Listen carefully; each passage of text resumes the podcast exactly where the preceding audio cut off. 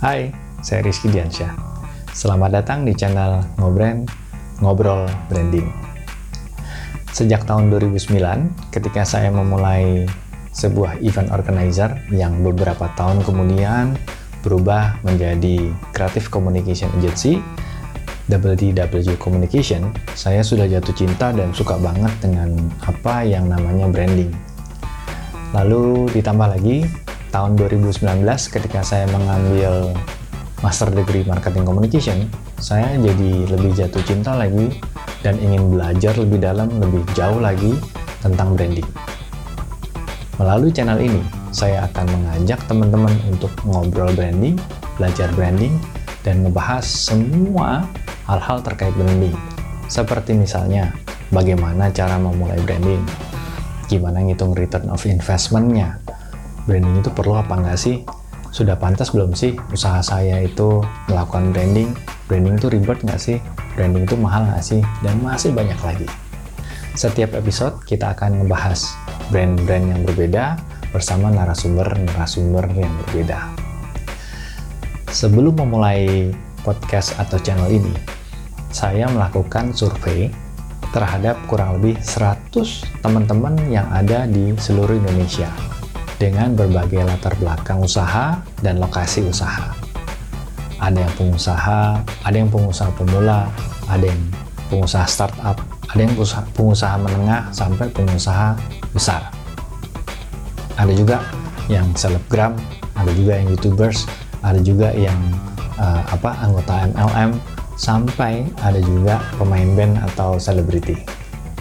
Mereka ini terdiri dari berbagai macam daerah ya. Ada yang dari Jakarta, ada yang dari Surabaya, ada yang dari Bandung, ada yang dari Bali, ada yang dari Sulawesi Selatan, ada yang dari Manado, ada yang dari Kalimantan, Kutai Kartanegara atau Tenggarong, sampai Aceh.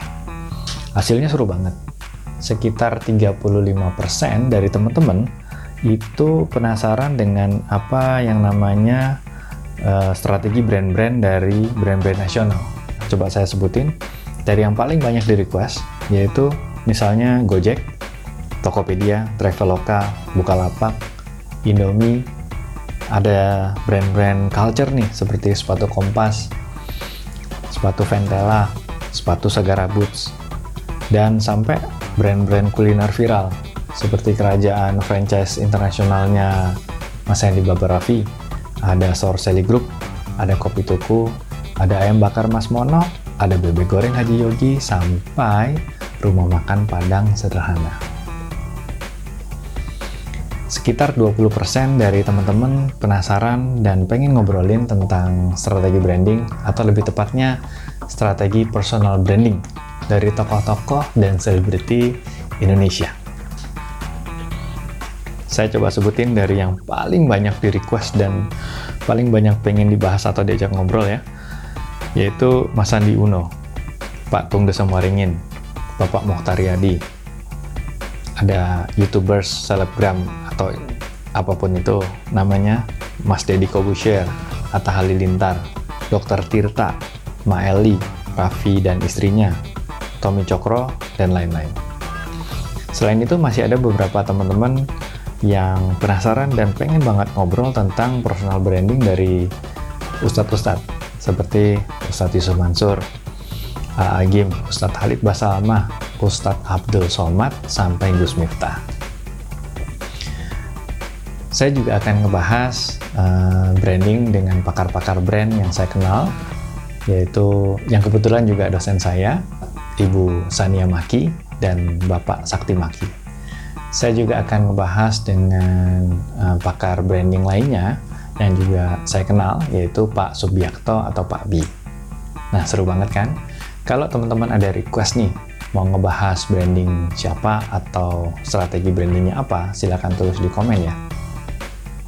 Baiklah teman-teman, jangan lupa subscribe, like, dan share channel ini kita akan ketemu di episode selanjutnya. Kita akan bahas hal yang menarik sekali karena kita akan membahas tentang uh, strategi brandingnya bebek goreng Haji Yogi.